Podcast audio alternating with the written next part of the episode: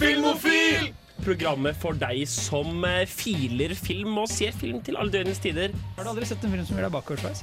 Jo jo. Troll 2. Den var overraskende helt OK. Ja.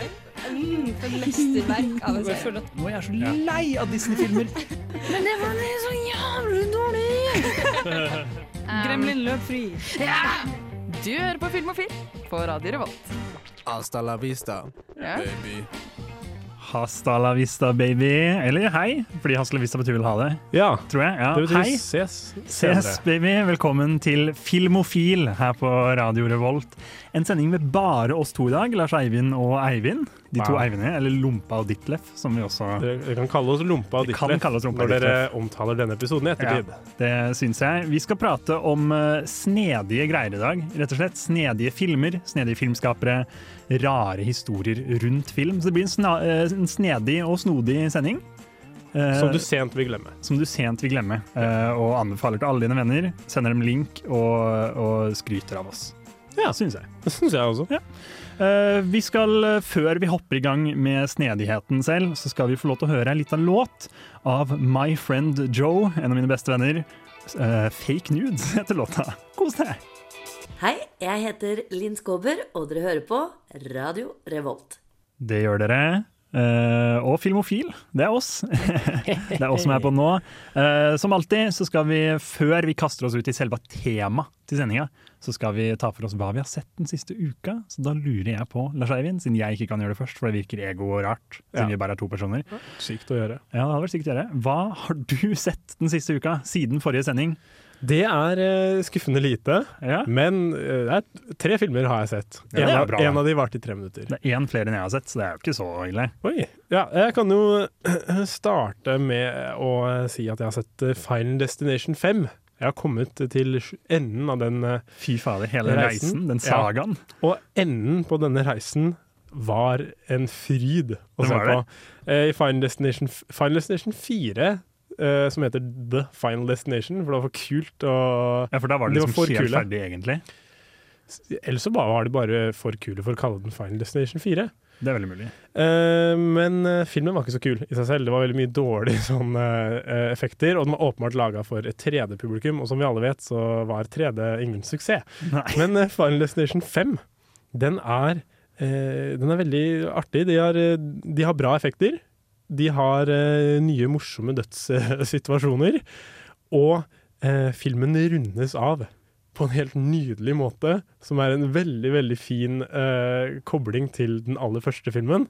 Okay. Så hvis du ser alle disse filmene, kommer deg gjennom, så, så er det bare en, en fryd. Du får en sånn kul sånn krok tilbake til starten for å virkelig kul eh, krok. gjøre at fansa jubler på en Ja. måte i kinosetet. Man skal ikke si for mye, men samtidig så kan man si litt, for det er Final Destination, og det er ikke så Ja, farlig. jeg tror ikke folk flest blir sånn illsint hvis du spoiler. Nei. Og Final Destination-filmer er jo altså Det er filmer der eh, i starten så er det en som forutser eh, en Mhm. ulykke som kommer til å skje, og får med seg da venner og kanskje litt folk rundt til å komme seg unna.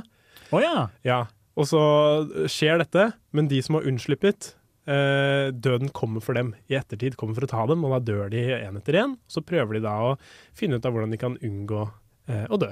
Okay.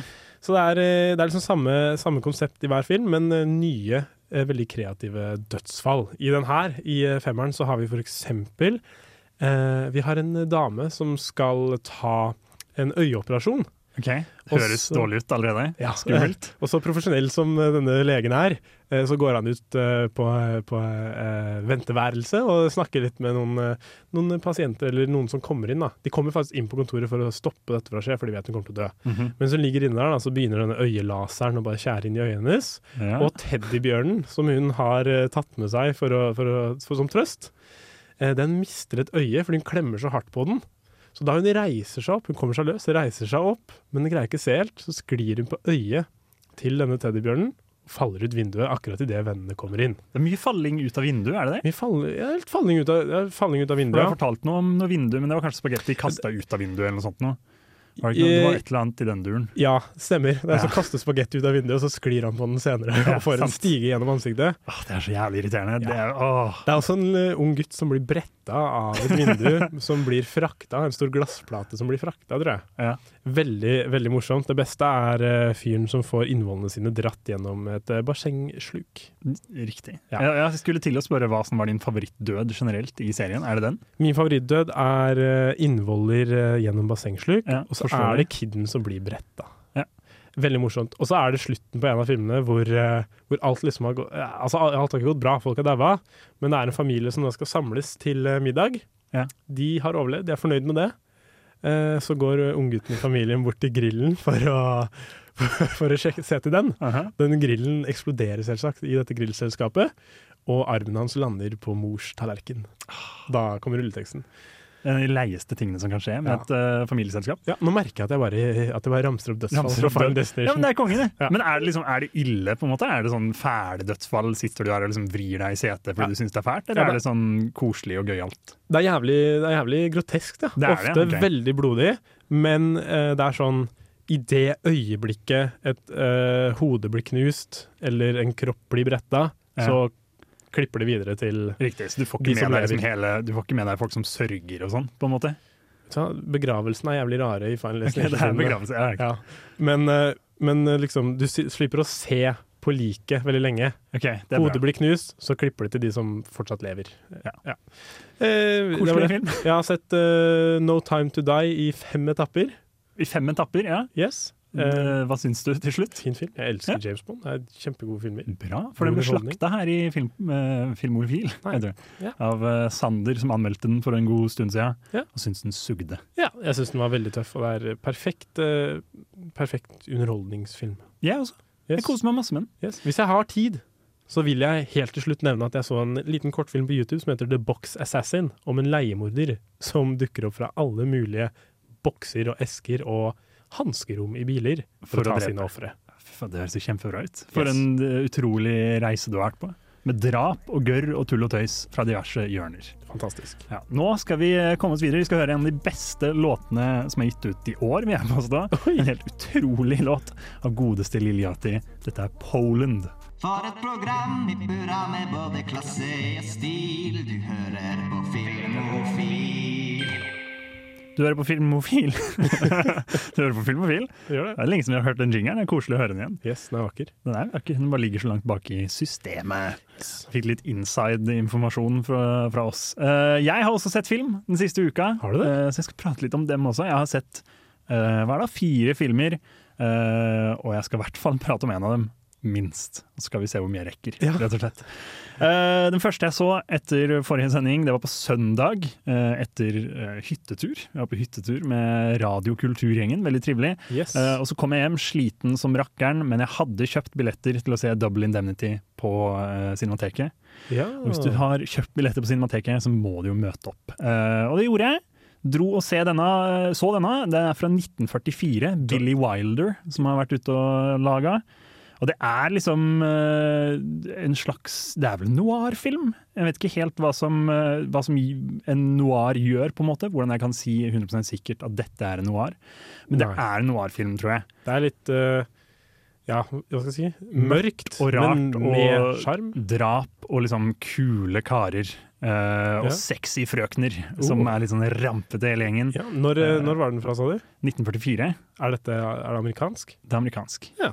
Eh, så midt i krigen tenkte jeg ikke på engang. Ja. Eller ikke midt i, sent i krigen. Sent i krigen. Sent i krigen. Ja. Eh, Men det, det var er, ille nok da også. det var nok ganske kjipt i 44 år. Ja. Eh, men det er Billy Wilder som det, Filmen handler om en kar som heter Walter Neff. En av de minst sjarmerende folka jeg har sett i mitt liv, på en skjerm i hvert fall. Helt grusom. Han sier 'baby' hele jævla tida. Det er helt grusomt å høre på.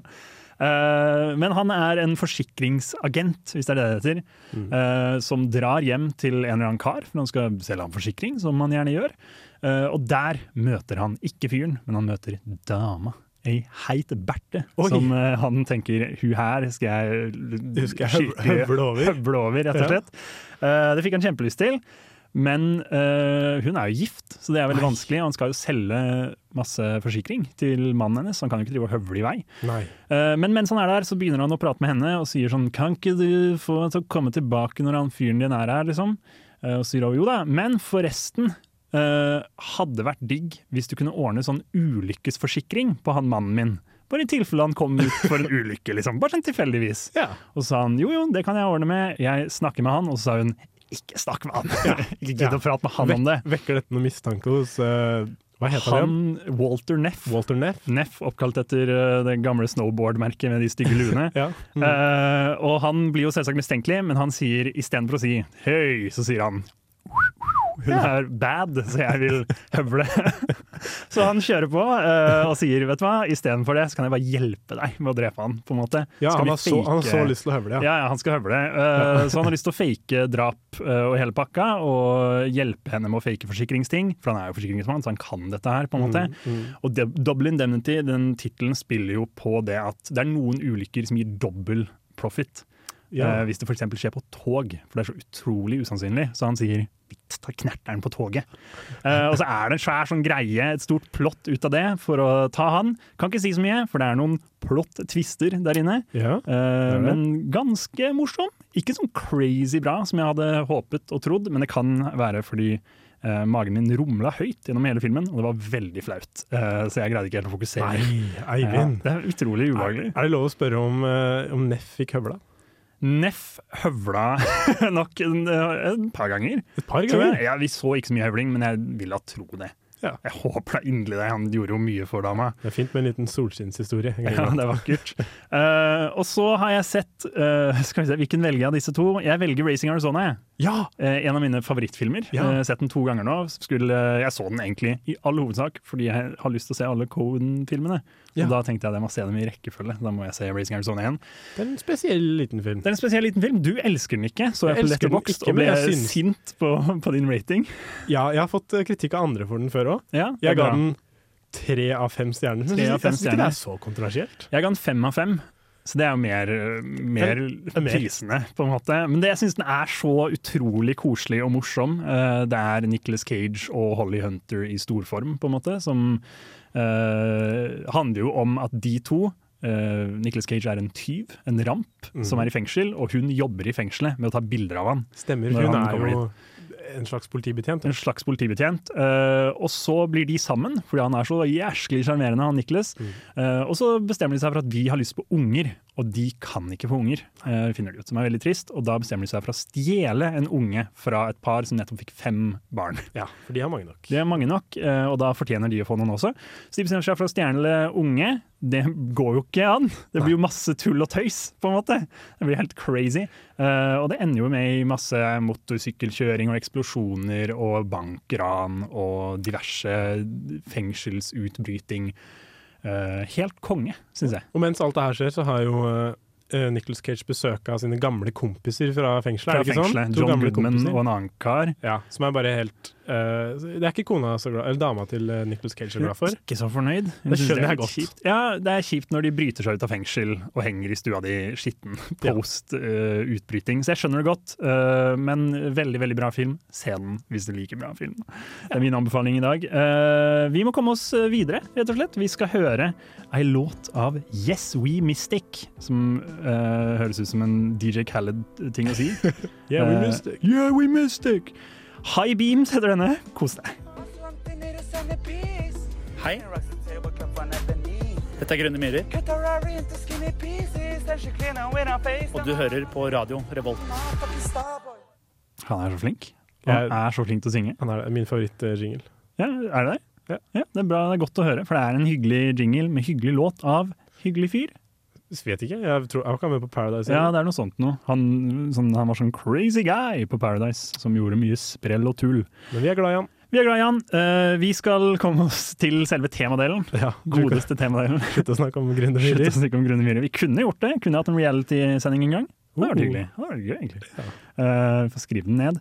Men vi skal prate om dette snevre greiene. Og hva går det ut på, egentlig? Det er vanskelig å definere helt hva vi skal prate om. Ja, men uh, det har jo, jeg har jo snakka om at jeg hadde lyst til å ha en spalte eller noen gang som het eh, Lompa og Ditlevs Lompa og Ditlevs ser det obskure. Ja, vi kom Og- fram til det. Vi var vel på Myra-konsert og hadde drukket en øl eller to. Ja. Og så var det, Ja. det en plan vi la. Det var en plan som ble lagt eh, Ja. under påvirkning, men eh, det er kanskje da de beste planene kommer fram. Ja. Og så viste det seg at eh, vi mangler to faste medlemmer i dag, Max og Ingrid. Ja. Og så tenkte jeg at i dag er dagen for ikke bare å ha én spalte om det obskure, men å kjøre en hel sending om det. Og så prøvde jeg å tenke litt på hvordan vi skulle gjøre det. Og for å gjøre det litt bredt, da, så syns jeg vi kan prøve å eh, formidle litt uh, sprø historier fra filmverdenen. Mm. Kanskje snakke litt om de rareste av de rare filmskaperne. Og forhåpentligvis eh, opplyse om eh, noe folket ikke har hørt om før. Ja, det er gøy. Ja. På en ikke sånn fæl sånn jeg, var, jeg var så nervøs på vei til sending i dag for at det skulle bli en sånn fæl sånn opp, ovenfra og ned 'vi er filmstudentene'-sending. Ja. ja. det er sånn «Ja, 'hør på dette, vi kan nybølgen', på en måte. Ja. Men det blir ikke det. Det blir hyggelige, morsomme eh, historier om eh, rare folk og rare ting, Yes. tenker jeg. Sprø hendelser på sett kan vi Mhm. snakke om. Vi kan snakke om eh, filmer du ikke kunne tro fantes!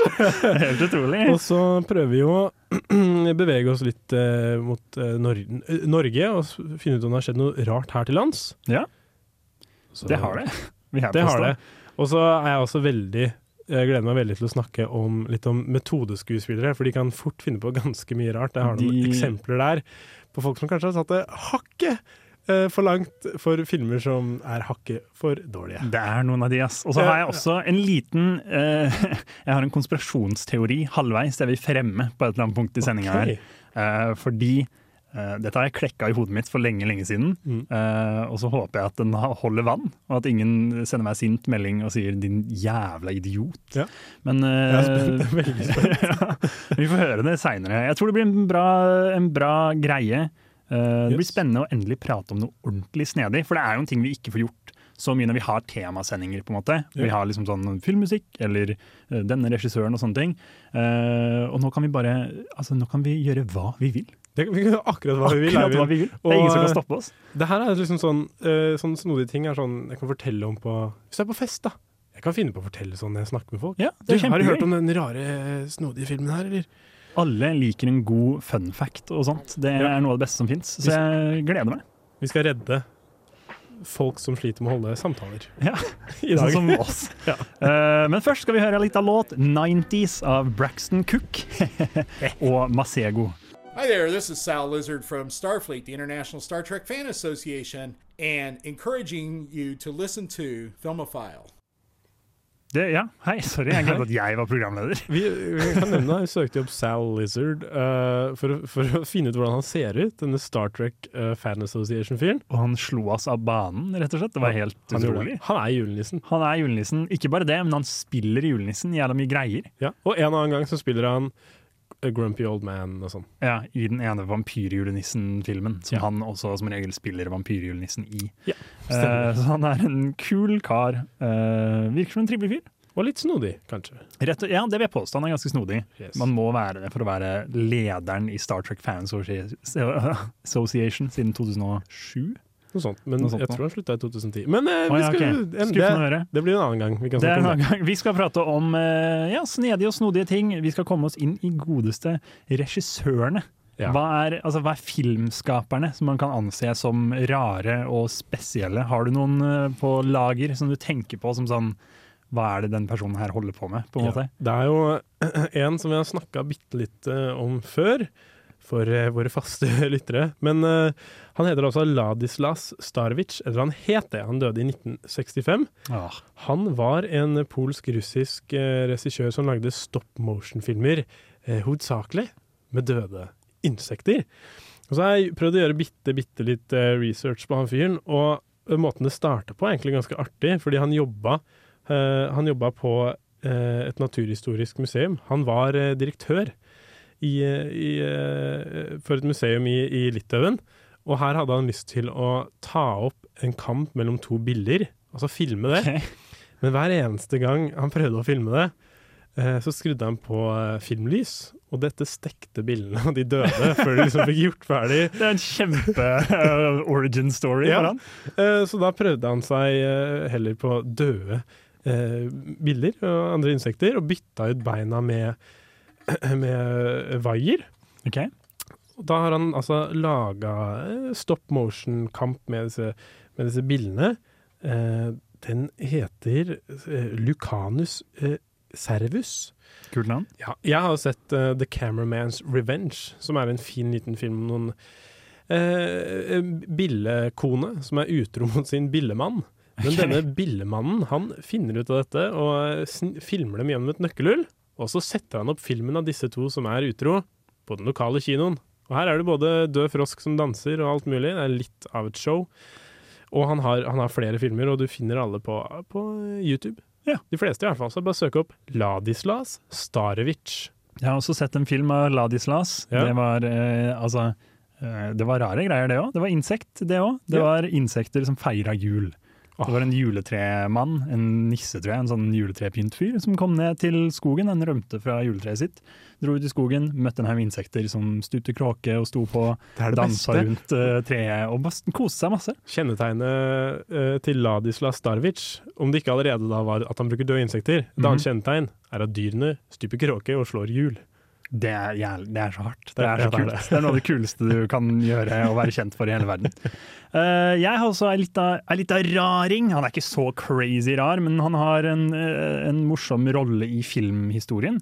Mm. Han er kjent for å være Han heter Her- Herschel Gordon Lewis, forresten. Det, det gjør han vel. Det gjør han vel. Ja. uh, og er kjent for å være uh, han som lagde splatter-sjangeren i okay. filmer. Eh, og er også kalt av Lucio Fulci, denne italienske regissøren, for The Godfather of Gore. Som er et jævlig hardt navn å ha. Dritfett. Okay. Eh, og han har laga ja, massevis av bare fæle, sånn skikkelig brutale Gore-filmer med blod og gørr overalt. eh, som er ganske artig å se på. Jeg, så, jeg har sett én, The Wizard of Gore. Kult navn. Bra navn. Som jeg fant via Juno. Ok, ja. Denne, denne filmen hvor Elliot Page sin karakter og Jason Bateman sin karakter sitter og er sånn kule, rare folk og diskuterer eh, Gore-filmer. Og da sier de Wizard of Gore er faen meg det sjukeste i hele verden. Uh, og, så den, og så er det jo på en måte bare en litt dårlig film hvor folk dør hele jævla tiden, om og om og om og om igjen. For det er en magiker som kan eh, drepe dem, og så ta dem tilbake, og så drepe dem på nytt. Og de sager over folk og hele bakka der. Ja. Det er sikkert uh, Det høres jo litt ut som Terrifier 2, som Ja. Det er sikkert eh, Han Herschel et eller annet er sikkert forbildet til Det er Damien Leone, Leone som har laga Terrifier 2. Mhm. Som Terrifier, den første, en dårlig film, men veldig Hørt brutal. Jeg har hørt at uh, Terrifier 2 er en litt bedre film. Ja, for den skal være ganske grei, Ja. og også veldig brutal. Ja, Ja. Så Det- det er sikkert eh, Sikkert en fyr som Damien Leone eh, kjenner til. Ja, han har også laga filmer som Bloodfeast og 2000 Maniacs og The Gore Gore Girls osv. osv. En Ja. del sånn nakengreier og litt sånn halvporno og sånt òg. han har stått på. Eh, Selveste Herschel, Rest in Peace, 2016. Ja, Lurer på hvordan han døde. Hvis han sovnet stille inn, så var det sikkert den største skuffelsen han kunne ha Det har vært utrolig, utrolig trist. Ok, Jeg håper selvsagt ikke at han ble most og saget i fillebiter, men, Nei, men jeg håper, de kunne, ja, jeg håper noen lata som de gjorde det, for å få det til å virke spennende. Uh, vi skal høre ei lita låt. Den heter Hva heter denne, da? Hvordan sier man dette, da? Luforia, Luforia av Smino og Cruza. Hi everyone, my name is Udi Sote. I'm a writer-director of Latvian mythological thriller called Upurga, and keep listening to Filmofil. Takk, Ugis. Eh, gjør det. Fortsett å høre på oss. Vi, uh, vi skal prate om uh, noen sprøe, crazy historier fra filmverden akkurat nå. yes. Spesifikt én. For det Ja, er en film vi begge kom, til, kom hit, og så skulle vi begynne å prate om hva vi snakke om i dag. Og så Det første vi nevnte, egentlig, begge to, var denne filmen. For jeg har sett den før. Den heter Roar, eller Roar, eller på godt norsk så heter den vel Hva var den het? Dyrenes konge, en ellevill komedie. Ja, stemmer. Og eh, eh, jeg ser jo et bilde på eh, PC-en her av en plakat for denne filmen, Mm. der det står en liten tekst No animals were harmed in the making of this film. 70 cast and crew members were. 70. Ja. Litt, litt sykt, egentlig, fordi da virker det som de har brukt, uh, brukt det for å liksom, få folk til å se filmen. Det, Det tror jeg de gjorde. Det er eneste grunnen til at jeg så filmen. ja, ja, gir mening, men det er ja. sykt. Det er ganske sykt. Det, jeg skal fortelle på en måte historien rundt det, for det er jo litt sånn profilerte folk som har laga den også. Det er ikke bare små tullefolk. Det, en av dem er jo Tippi Hedren. Hun spiller jo hovedrollen her. Hun spiller også hovedrollen i blant annet eh, Hitchcock sin The Birds. Ja. Uh, så hun er kjent som barakkeren, og jeg tror det er mannen hennes, uh, Noel Marshall, som har finansiert den og regissert den og produsert den og hele pakka. Ja, og han eh, spiller i den nå. Han spiller i den også. Og det gjør også Jerry Marshall og John Marshall. Veldig mange Marshaller i denne filmen. Jeg tror det var et veldig sånn familieprosjekt, og grunnen til det var at de sleit med å få funding. Jeg tror ikke de kunne ha, noen, jeg tror ikke de kunne ha så mange andre folk, fordi de rett og slett ikke fikk råd. Eh, De måtte selge noen hus, og Tippi Hedren måtte selge en kåpe hun fikk fra Hitchcock og sånne ting, for å få råd til å lage den. Eh, For det kosta så mye å gi mat til alle dyra, fordi det som er greia med denne filmen her, er at det er crazy mange dyr, og alle dyrene er liksom løver og tigre og jaguarer og sånne ting. Ekte. Ekte, Dyr? Ja. Ekte dyr. Uh, og de hadde jo trenere og sånt, men det er vanskelig å håndtere så mange dyr på, på en og samme gang, på en måte. Så det skjedde jo da, som eh, vi sa at sto på plakaten, at 70 personer av de 140 menneskene, så halvparten som jobba på filmen, skal ha fått skader. Eh, mens regissøren Nolan Marshall selv tror det var over 100 som fikk skader. Men det er bare han som mener. Eh, jeg, kan, jeg skal gå gjennom noen av skadene, og så skal jeg komme til konspirasjonsteorien din på slutten. For har, okay. det er her det kommer. Er. Noel Marshall han er jo regissør og hovedskuespiller. Han ble, han ble bitt gjennom hånda av en løve. Eh, og legene trodde han ville miste hånda. Det gikk bra, det ordna seg. I lengden så ble han bitt elleve ganger. Fikk skader i fjeset og brystet, blodforgiftning og måtte på Det er sykt å komme tilbake på jobb. Ja, ja, og det var flere av dem som gjorde det. Eh, Det er én kar som er helt crazy at kom tilbake på jobb. Eh, Men det tok han flere år å komme seg etter skadene. Ja. Han fikk også koldbrann, det gjorde hoved, hun andre hovedskuespilleren, Tippi Hedren også. Mhm. Hun ble bitt i hodet, måtte på sykehuset for det, og hun forstuet også ankelen sin etter at en elefant plukket henne opp via ankelen og slang henne ned i bakken. Eh, Men hun sier at han prøvde å beskytte henne, så da går det bra. Ja, okay. Selv om Ja. samme elefant bare noen dager før brakk skulderen til en dame som, uh, som bare prøvde å trene han, tror jeg. Etter å ha kastet henne inn i et tre. Uh, Hedren hun ble også klort over armen av en leopard og bitt i brystet av en puma. Og måtte sy 50 sting etter en løveangrep eh, Etter en løve angrep fjeset hennes. Eh, Det er fælt å le, men det er gøy. det er jo helt crazy, på en måte, og de bare fortsatte å lage filmen. Ja. Eh, så Legene trodde hun skulle bli blind, det ble hun ikke, men hun trengte sånn facial reconstruction og måtte ordne litt i fjeset etter hvert. Eh, men det gikk bra med henne. Det er jo noe. Ja. En annen fyr ble angrepet i bakhodet. Det er John Marshall. en annen Marshall. Han ble bitt i bakhodet av en løve og måtte sy 56 ting. Jerry Marshall ble bitt gjennom låret. måtte være på sykehuset i en måned. En fyr ble skalpert. Som er for meg helt, han fikk en sånn Inglorious Bastard-skalpert, liksom. Kutta av toppen av hodet sitt. Av en, Av en løve, da. Sikkert bitt av. Uh, fikk 220 sting. Herregud. Eh, men kom tilbake på jobb etterpå, fordi han hadde jævla god arbeidsmoral. Eh, assisterende regissør Doran Cowper vet ikke hvordan man sier det, måtte operere i nesten fem timer etter han ble bitt i halsen og kjeven og nesten fikk øret sitt revet av.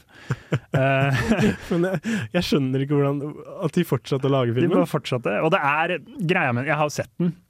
Ja. Jeg så den jo, og jeg vil fortsette å kalle den for kanskje den skumleste filmen jeg har sett i mitt liv. For det skal jo være en komedie. En ellevill komedie, står det. Men den er så skummel, for du ser disse menneskene prøve å ha det gøy og spille og liksom være glad, mens de åpner Du ser liksom frykten for livet sitt i øya på dem, for de har jo null kontroll. Det er svære løver som liksom knurrer på dem, og det er kjempe, kjempeskummelt. Eh, Så det endte med at 20 crew members stakk. De rømte fra settet, og mange av dem kom aldri tilbake. Eh, og så var det enda flere ting. Settet ble rammet av en svær flom på tre meter, og toppen av det hele. 15 løver og tigre rømte. Tre av løvene ble drept, så det var feil det at ingen løver ble skadet i løpet av filmen. Ja. Mesteparten av filmutstyret ble ødelagt. Mesteparten av filmens. Filmens utstyr. Ja. Millioner dollar uh, med utstyr. Eh, men det gikk bra, for de hadde nettopp sendt klippen til Hollywood. Så det, det var ikke så stress. okay. Eh, og så Min teori, da, og jeg har ikke så god tid på å fremme denne her, er at denne mannen har gjort veldig lite. Noel Marshall han har ikke gjort så mye, men han har produsert The Exorcist. Ok. Og The Exorcist er kjent for å ha en curse, en hjemsøkingsgreie, hvor det var veldig mye problemer rundt Exorcist-filmen, folk som døde og ble skada og sånt. Men jeg vil fremme at det er Noel Marshall som har cursen, og ikke The Exorcist. Ja, okay. Det er min offisielle teori.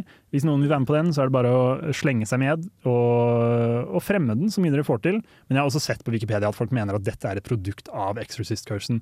Jeg er ikke enig med det. Jeg går ikke med på det. Det er Noel Marshall. Det er han som er cursa. Da lurer jeg på hvor det har blitt av cursen, for han er jo dødd, stakkars. Ja, det er curse, det, da. Det er et godt poeng. det er veldig godt sånn poeng. kan det gå. Det er sånn det ender ofte med sånne curser. Uh, men det, det var Roar. Det var alt vi fikk å si om den. Herregud. Eh, Helt latterlige greier. Uh, men også litt underholdende film. Verdt å se, på en måte, for den filmhistoriske greia. Ja. Uh, nå skal vi høre ei lita låt av Babypanna som heter Moonlight.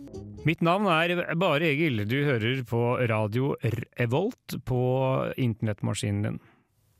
Det gjør du på mobiltelefon eller datamaskin, Eller på vil jeg tro. radio. På radio går jo også.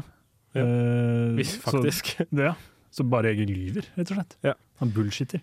Eh, vi skal prate videre om litt sprø ting, litt crazy historier som har eh, skjedd rundt om i filmverden. Ja, jeg har litt lyst til å snakke om en film jeg så i sommer, som heter Hearts of Darkness, A Filmmakers Apocalypse. Ja, for dette er en dokumentar, er det ikke det? Det er en dokumentar om uh, skapelsen av uh, Francis Ford Coppolas Apocalypse Now.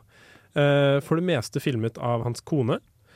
Hearts of Darkness er jo navnet på, på boka som, som Apocalypse Now har hentet inspirasjon fra. Yeah. Og den tar for seg en ganske bananas filminnspilling på Filippinene.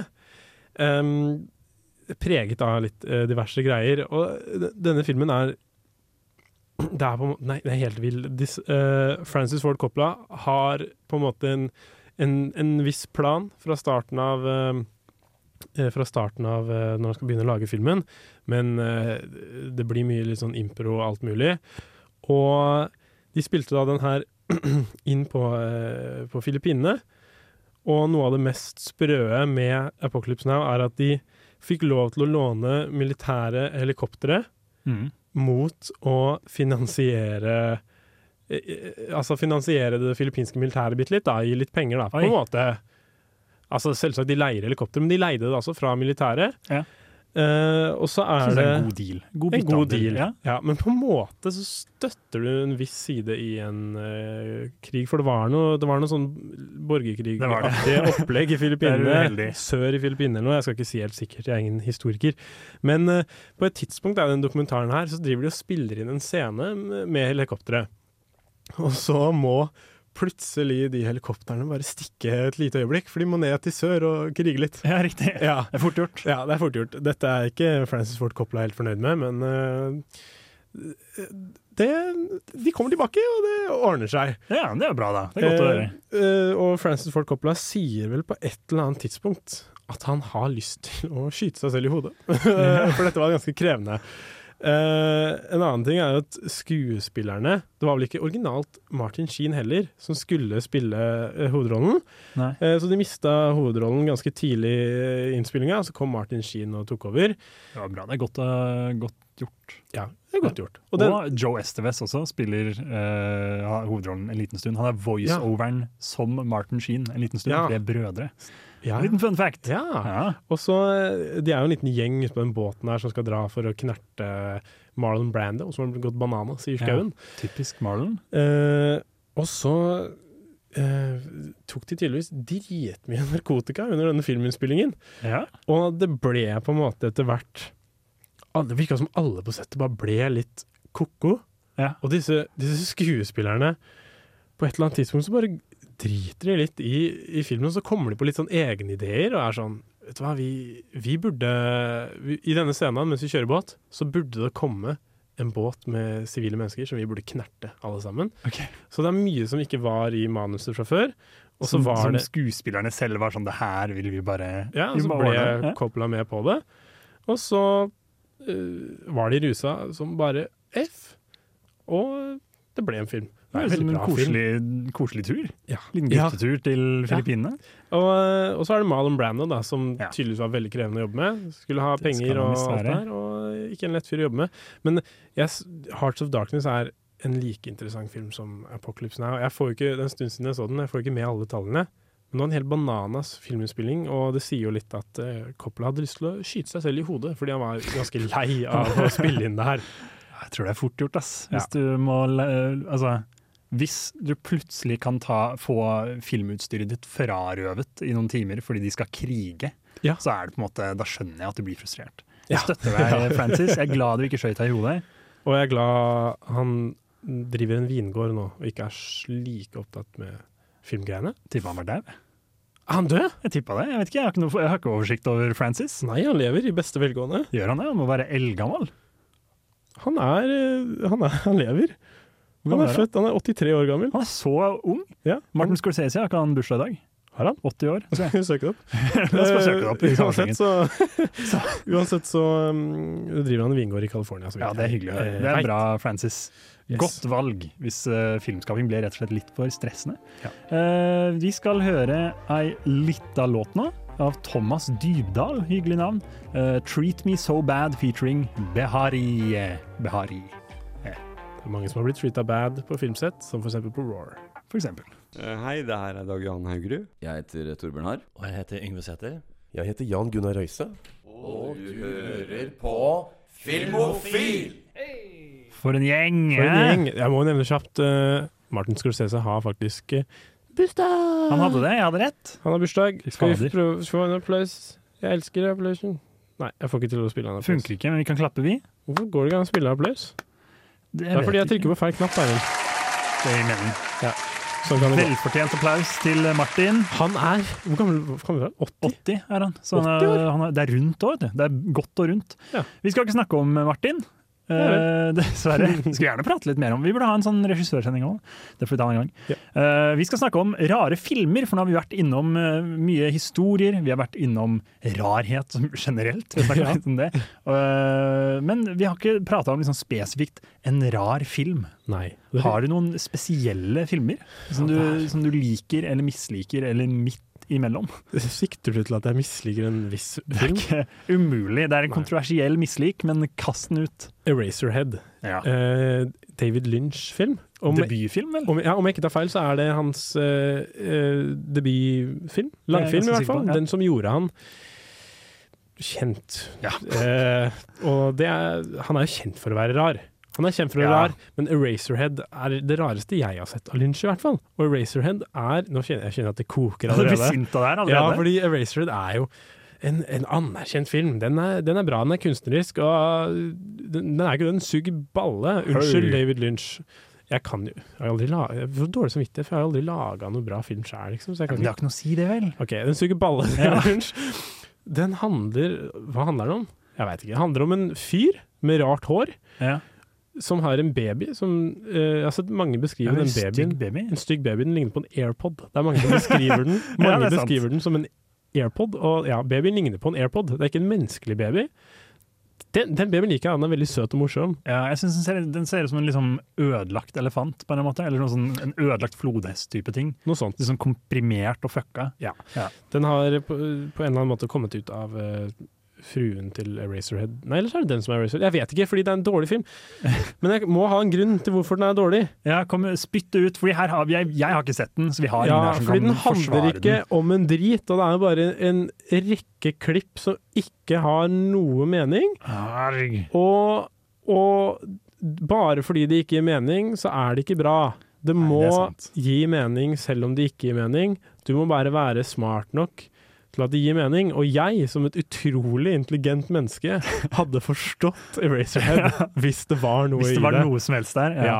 Men jeg vil si til Lynch sitt forsvar eh, det, Jeg syns det er trivelig med hele den derre 'jeg lager det rart og forklarer ingenting'-greia Ja. han gjør. Fordi det hadde vært kjedelig hvis han var sånn 'jo, Eraserhead er dette her'. Uh, det har vært kjedelig. Han har sagt det der med at det er hans mest spirituelle film, og så var det noen som sa 'elaborate', så sa han nei. Ja. uh, så er det en morsom klipp. han har jo også Han har vel sagt at han har en metode for å lage film hvor han, han skriver enkeltscener. Ja, Han skriver riktig. Scener- sånn. Ja, scener han har lyst til å se, som ikke nødvendigvis har noe med hverandre å gjøre. Ja. Så han, han lager scenene først, og så Knytter han, på, knytter han de sammen. Og de trenger jo på en måte ikke å gi mening sammen, fordi det er David Lynch. Nei. Men det funker jo relativt greit ganske ofte. Sånn, Han er- Twin Peaks er helt fantastisk, både Return og vanlig. Og jeg syns jo, jeg synes jo Blue Velvet var grei, liksom. Ja. Syns uh, Wild at Heart var grei. Wild at Heart, en av de artigste opplevelsene jeg har hatt. Ja, Nicholas Cage, bra. Fucking uh, Willem Defoe, helt utrolig. Helt konge. Ja, som sky- skyter seg selv. Som skyter Vet du. spoilers, men det er veldig morsomt eh, klipp.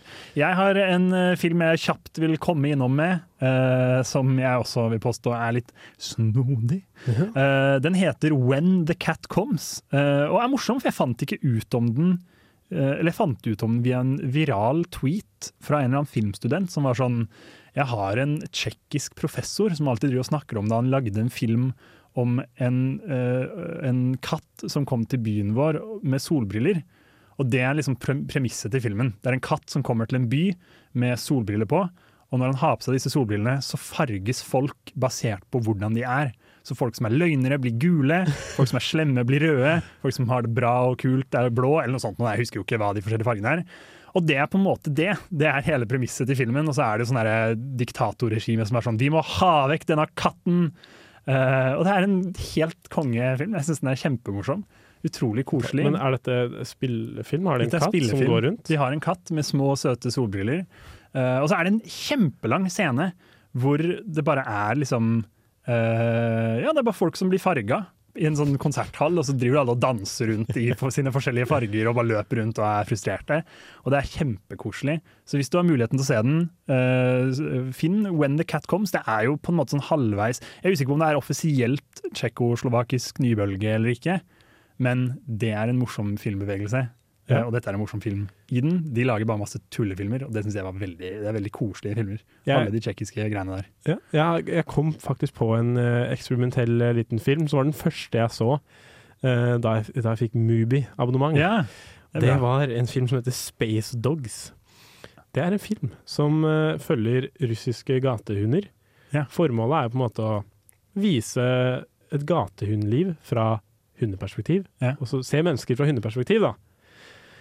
Men det er bare det de gjør. Det er bare det de gjør. Ja. De bare vandrer rundt og, og tuller og tøyser. Ja, og på et Ja. tidspunkt så er det et brutalt drap av en eh, katt. Oi, ikke så bra. Jeg har også sett en, en tsjekkisk eh, Space Dog-film som het Laika, om Laika. Den, stopp, den sugde. Det var litt rasistisk og sånn. Men uh, vi skal i hvert fall komme oss videre. Vi skal Ja. høre ei lita låt av Filthy Burger Girl. Kult navn. Skrevet Fulty Burger Girl, som er sånn, sånn køddent og gærent å skrive det på den måten. Uh, dette er Red Dress. Mitt navn er Henrik Fladseth, og jeg hører på Radio Revolt. Bam, bam. bam, bow. Så jeg, jeg er sliten. Det har vært mye greier som har skjedd i pausen. Kaos her. Litt sanger som ble spilt av uten at vi mente Du hørte en låt, Du hørte en låt. men her var det Eh, bananas. Hva var det låta het? Den het I Gossieke av Katarina Baruk. Det var Stemmer. dårlig uttale, men det var det den het. For meg i hvert fall personlig. Ja. så var det den het. Eh, vi skal eh, prate om kanskje den mest sånn anerkjent eh, sprøe Coco Bananas-tingen som skjer i Hollywood.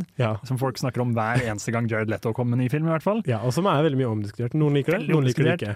Jeg vet ikke hvor jeg står på det. Jeg syns det er veldig vanskelig å ta en stilling til det. Ja, hvis, du gjør, det- hvis du gjør noe fornuftig, hvis du gjør det fornuftig, og ikke er til sjenanse for andre, og, og det funker bra Så er det greit. Det er metodeskuespill Metode, vi snakker ja, om. Method acting, som heter så pent. Altså at du, at du eh, tar det ekstra steget for å komme deg eh, inn i rollen. Eksempel lurer på om Heath Ledger flytta på en hytte en stund for å bli joker. Ja, låste seg inn på et hotellrom eller noe sånt, sånn? Ja. og skrev en dagbok, og så er det folk som er sånn Han daua, the joker! Nei! Han var bare syk, stakkar. Altså, herregud, la film være. Men ja, jeg, um, det, er, det er på en måte en ganske vanlig ting å gjøre. Aksel Hennie er vel flink på det her til lands. Jeg tror han har veldig lyst til å være en sånn, i hvert fall. Ja, og så har du også folk det. som liksom. Eivind Sander. Som Eiv- er sånn Eivind Sander? Ja, du kjenner han igjen hvis du søker han opp. Uh, sånn skalla kar han spilte i, um, Eivind i, i Sander, eller? Nei, Sander. S-A-N-D-E-R. Ja. Jeg tror det er hele navnet hans. Han også er sånn method-kar, og så er det sånn Hvorfor er du method? Ja, han du er aldri altså, Han er sånn Ja, jeg skulle spille en eller annen rolle hvor jeg hadde vondt i ribbeina, så jeg fikk ungene mine til å hoppe på brystet mitt. sånn at de skulle Nei. knekke ribbeina mine. Bare lat som du har vondt i ribbeina. Ja, det er rare greier, ass. Jeg uh, har lyst til å trekke fram et kjent fjes fra Hollywood. Som er, han er kjent for å være snodig, da. Shia Ja. LaBeouf.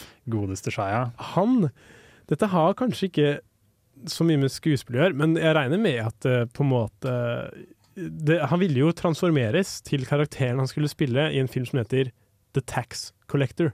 Riktig. Eivind, Ja, det er det, ja. Eivind, har du, har du hørt mye om The Tax Collector? Er det en anerkjent film? Det, det jeg har hørt om The Tax Collector, er at, jeg, at han gjorde mye rart for en så ukjent film, Ja. på en måte. Det som er spesielt, er at han har karakteren hans i The Tax Collector har veldig, veldig store tatoveringer på hele overkroppen.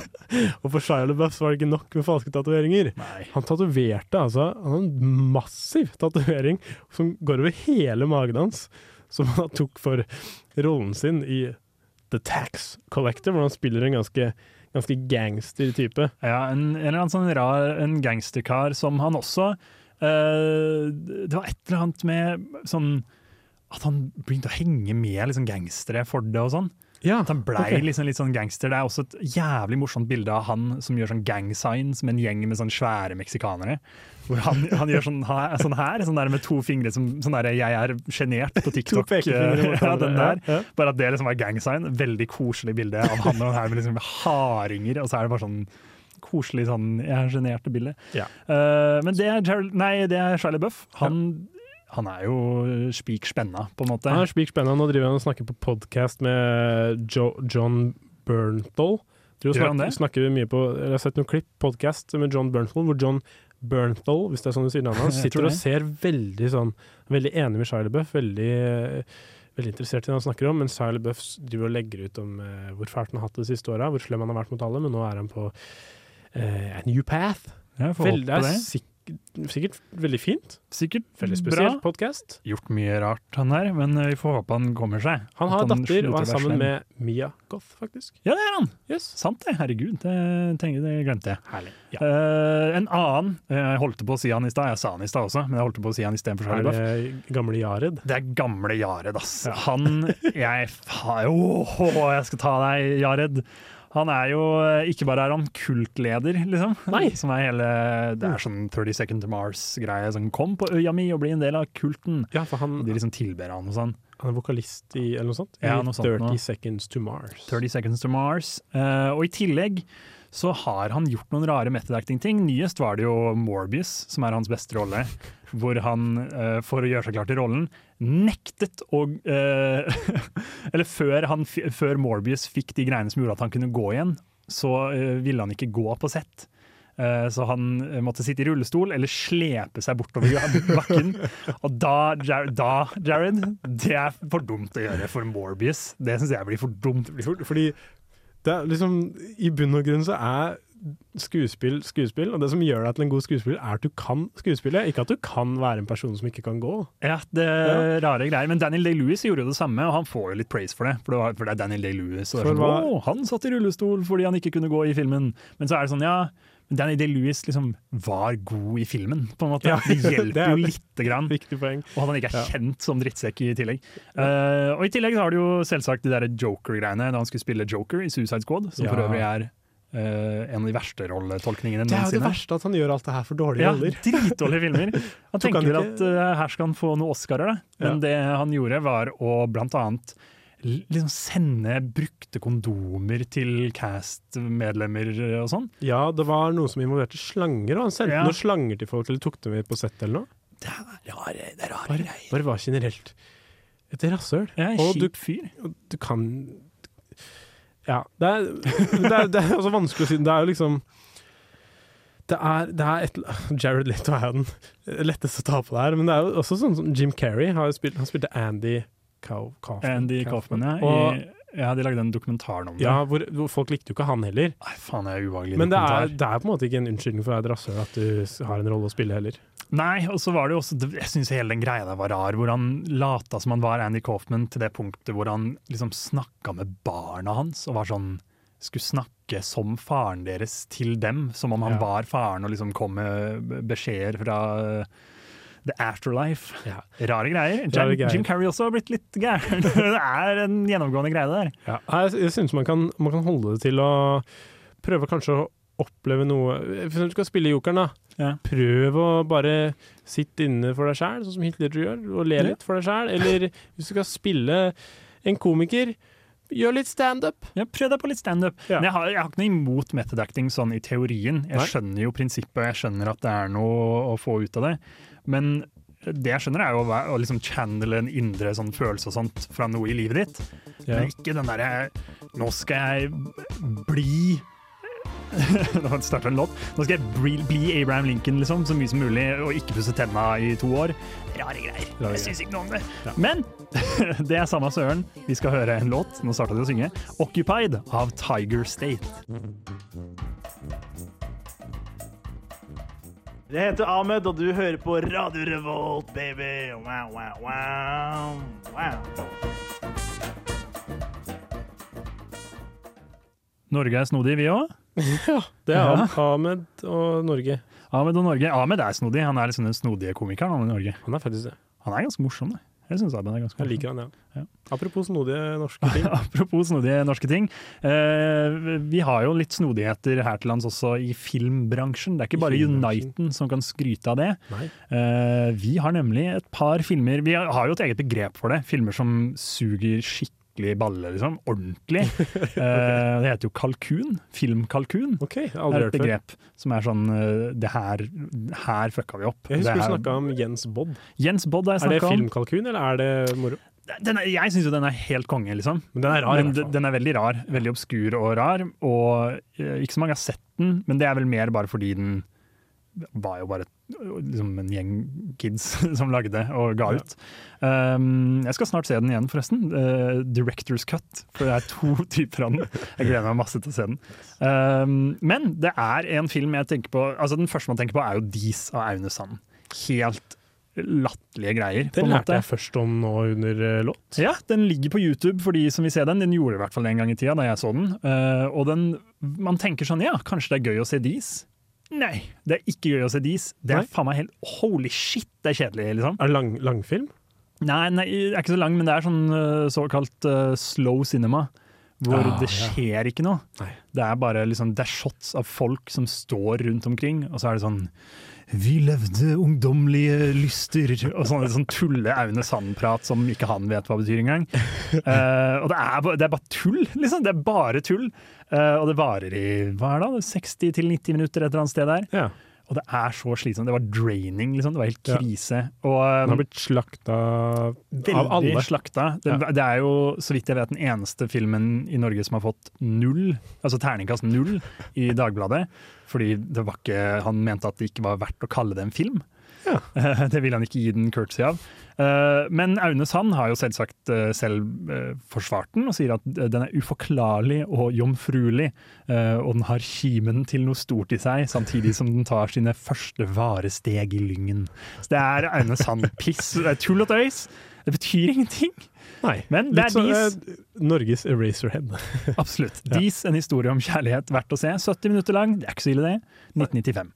Eh, Men det er en annen film mm. som jeg syns er eh, minst like verdt å prate om, som heter 'Sebastians verden'.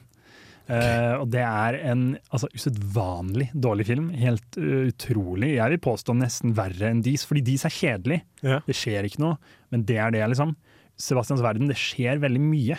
Men det er, bare, det er, det er absolutt ikke verdt å se på hva som skjer.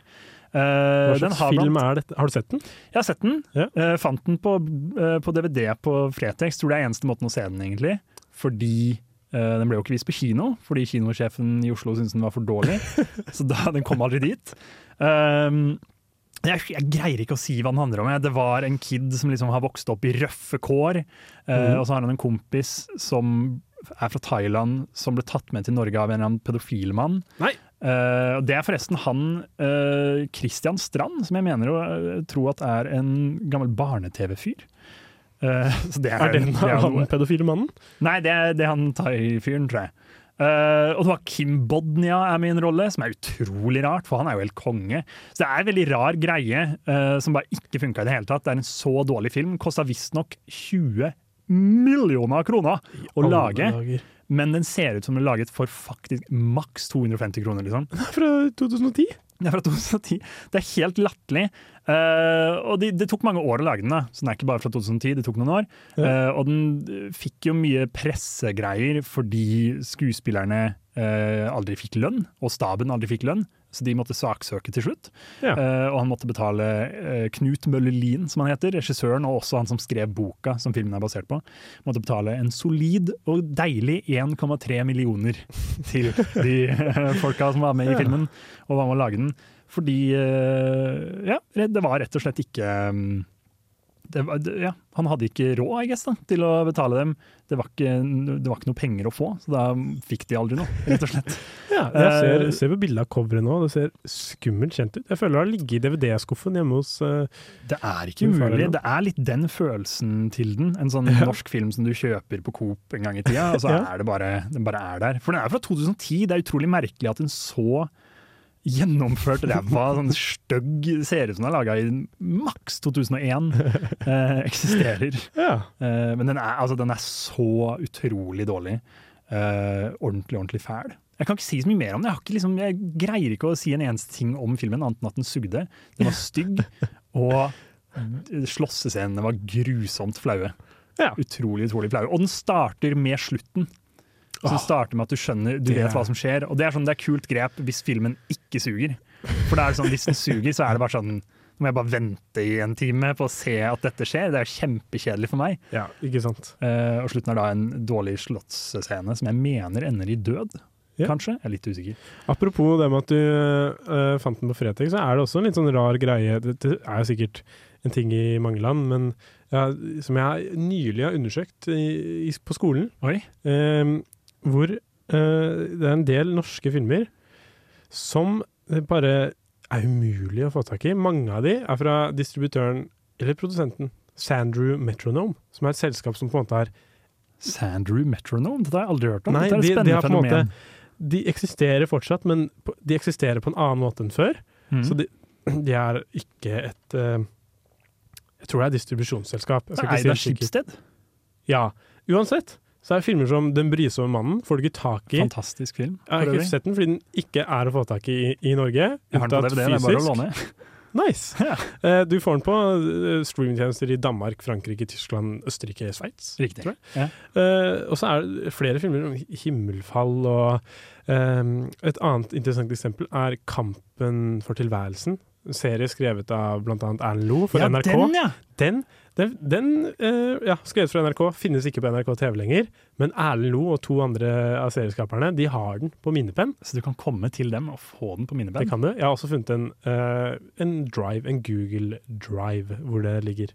Ja. Så det er jo ikke, ikke bra med Jeg, jeg pleier ikke å piratkopiere og sånn, men når Nei. det ikke finnes Da må det være lov. Da må, være lov. Da må man jo gjøre det. Du hørte det på Filmofil. Ja, jeg synes det litt piratkopiering er innafor hvis, uh, hvis man er nødt til det, på en måte, for å få sett noe. Og det er jo the case med ganske mye gammel norsk film, i hvert fall. At du finner det jo ikke et eneste sted. Det, som er, det er litt gøy å dra på Ja, jakt.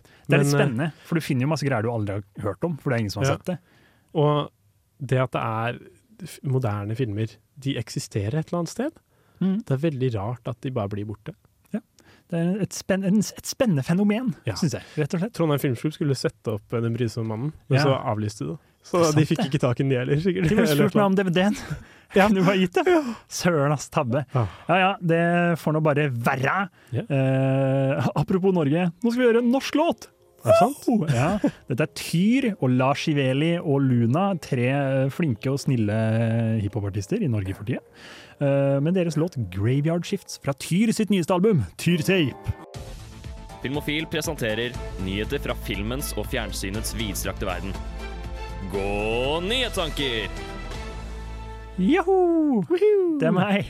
Jeg er nyhetsanker også, i tillegg til programleder. Det er litt sånn eh, eh, monopol, rett og slett, i, prat, i styrerollen i dag. Eh, du får være tekniker og være fornøyd med det. Eh, ja, sorry, det var ikke meningen å bli streng. Jeg vil kicke i gang nyhetene med en liten en om godeste Jonathan Depp. Eh, Jonathan Depp? Jonathan Depp. Han har jo han har jo blitt cancelled, han, på en måte. Det har jo vært mye om og men, og folk mener at Amber Heard var slem, og folk mener at han var slem. Jeg tror det var litt fram og tilbake slemhet. Jeg tror han. Var mest slem. Det er min mening. Uh, ikke cancel meg! Eh, men han har i hvert fall eh, fått seg en ny film han skal lage, og den Ja. er fransk. Fordi hvis du ikke får lov til å lage film i USA lenger, da drar du til Europa Det lager noe tull der. Uansett hva du har gjort, så får du lov til å lage Uansett, film i Europa. du kan være pedo så mye du vil. Ja, Italia lar deg. Men her er det Frankrike. Uh, Johnny Depp spiller kong Ludvig den XV-ene. Hva betyr det? XV? XV? 10? 15. 15? Det er mange Ludviger. Kong Ludvig den 15., eh, men problemet med dette er at han dukker ikke opp på jobb. Gidder ikke å dukke opp. Når han først kommer, så krangler han masse. Og er kjip og slem. Jeg trodde først filmen handla om at uh, ja, nei, Ludvig ikke dukker opp på jobb. Nei. Men det er Johnny Depp som ikke dukker opp. Det er. Johnny Depp som ikke gidder å dukke opp på jobb. Men hvordan skal han jo- spille rollen sin da? Ja, det er rare greier. Det funker jo ikke i det hele tatt. Og det er jo en av de store tingene i rettssaken, og en av de store tingene som folk counterer med. Fordi det Amber Heard tapte rettssaken om, var jo ikke at hun ble slått, for det har hun blitt funnet Det var riktig av, en, eh, av en domstol. Men det var at hun påvirket hans filmkarriere ved å si de tingene, og ødela filmkarrieren hans. Det vant jo han på. Ja, ja, Men han er jo også kjent for å suge balle å jobbe med. Han er jo selv grusom å jobbe med de siste ti årene eller noe sånt. Eh, møter ikke opp på sett, møter opp full på sett. eh, Alle de greiene. Klassisk sånn Chevy Chase på community-stemning. Når du først møter opp, sier du n-ord eller noe sånt, så drar du hjem og slår en, slår en, en, eh, en Ja. crewmedlem. Eh, Så det, det er Johnny Depp på Kong Ludvig den 15.-filmen. Ja, han må skjerpe seg og møte på jobb. Han burde, han burde det. Aller helst. Ja. Ny nyhet! Nei, jeg skulle ikke? spille av nyhetslyden min, men jeg er jo ikke så dreven. Vi kan prøve igjen. Nei, der funka det kjempebra. Um, skal vi se. Jo, det var, uh, det var noe snakk om en film som skulle komme, som kunne vært det verste i hele verden. Og det var uh, Grand Theft Auto-film. Greit nok. OK, liksom. Sikkert dårlig. Men Ja. med Eminem i hovedrollen. Og det høres ut som tidenes verste idé. Altså det Ja. verste som kunne skjedd. Ja. Uh, med Tony Scott som regissør. Ok. Som er Som uh, Man on Fire, blant annet. Okay, ja. uh, som jeg ikke syns var noe bra. Det er min mening. Men uh, du sa at, dette, at det var snakk om det. Det var snakk om det en gang i tiden. Jeg vet ikke når nøyaktig dette var, men det var en gang i tiden så var det mye snakk om det. Prøvde skikkelig å overbevise Rockstar Games-folk om å gjøre det, og så sa Rockstar Games ikke faen, det, kom, det skjer ikke at vi lager eh, Grand Theft Auto-film med Eminem i hovedrollen. Uh, og kanskje også fordi spillene kanskje er verdt mer enn filmen potensielt ville vært. Fordi spillene er veldig populære, og en film kunne jo, hvis den sugde, ødelagt litt hva- ryktet deres. Hva, er, hva ville en Grand Theft Auto-film vært? Ville en, Stjernebil, en gangsterfilm? Ja, Heat, Ja, på en måte. Det er jo et oppdrag i GTA5 som er Ja. Tatt rett fra Heat. Basically Heat er jo GTA 5. Uh, ifølge en fyr jeg kjenner. Hans Jørgen. Hallo! Hans Jørgen. Uh, ny nyhet! Har du ny nyhet? Har masse nyheter. Herregud, det, jo, det stopper aldri her. Quentin Tarantino har planlagt å filme en åtte opis- episoder lang eh, TV-serie.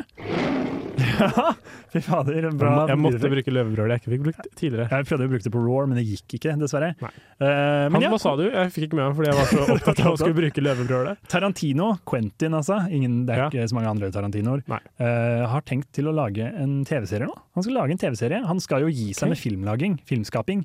Skrevet litt bøker og sånn. Har han ikke én film til? Skal vi ikke lage ti? en- ja, han har én film igjen, tror jeg, som hvem veit hva det blir. Han okay. har jo sagt før at han skal lage Star Trek og sånn, det kommer nok ikke til å skje. Han sa han også i samme slengen at han kunne laget en Marvel-film om det handla om noen folk fra Captain America-universet eller noe sånt tull. Ok. Han har også sagt han skulle lage Kill Bill 3. Det Tror jeg. også litt på. Kanskje. Jeg vet ikke. Jeg tror han sier mye tull, og så bare gidder han ikke å gjøre det. Det tror jeg. Men nå skal han lage Eh, serie. Nå skal han lage serie. Om hva? Eh, nei, det Det vet ikke. Det vet jeg ikke. Jeg tror ikke, det, jeg tror ikke det er noe informasjon om det. Er bare spennende at han skal lage serie. Han skal kaste seg ut i det området isteden. Ja. Det er jo på en måte der mye går. At uh, store filmskapere og sånt er sånn Ja, faen, skal ikke bare lage serie isteden? da?» Det er kult. Det har jo aldri vært Jeg tror ikke han har drevet med noen serie før. Han har regissert en episode av sånn CSI Miami eller noe sånt. Og den ble gitt ut på DVD for seg selv, som en egen sånn standalone-greie. Jeg tror kompisen min Jonas har den på DVD. Wow. Vi fant den på Fredex. Fredex er bra, det finner vi rart. Fredrik Nardo. Fredex Nardo, altså. Shout Det er out. den sykeste DVD-hylla eh, på denne sida av Mjøsa. denne sida av Mjøsa. På denne siden av Mjøsa. Eh, det er nyhetene for i dag. Jeg var Eivind Sæter, deres nyhetstanker. Nå skal vi høre en låt av kult navn, Slutface. Og låta Yeah. heter det samme som Pharrell Williams-hiten fra Minions-filmen Happy. Nice. Radio. Radio. Radio. Radio. Det er vårs. Det er vårs. Vi er Filmofil på Radio Revolt, og du har kommet til slutten. Det er litt trist å høre. Ja. Håper det har vært gøy. Håper du har fått noen gode historier. Ja. Jeg, jeg, jeg, hadde, jeg har hatt det gøy. Jeg håper dere kan fortelle til vennene deres hvor mange som måtte sy pga. skader fra løver under Roar. Hvordan de kan få tak i Kampen for tilværelsen. Hva som var grunnen til at Francis Ford Coppola ville ta livet sitt. Hvor gammel Martin Scorsese er. Det er masse kult å lære. Mye kul lærdom fra denne episoden. her generelt. Mye kul lærdom. Uh, så jeg håper dere fikk noe ut av det. Hvis ikke, synd. Synd. Nå, nå har du hørt hele Ja, episoden. det var. Ja. Hør på neste uke, så får dere sikkert noe ut derfra, vel. Ja. Satser på. Nå skal vi høre på en liten låt av Dean Moris, eller Mori som jeg pleier å si. Grav deg ned.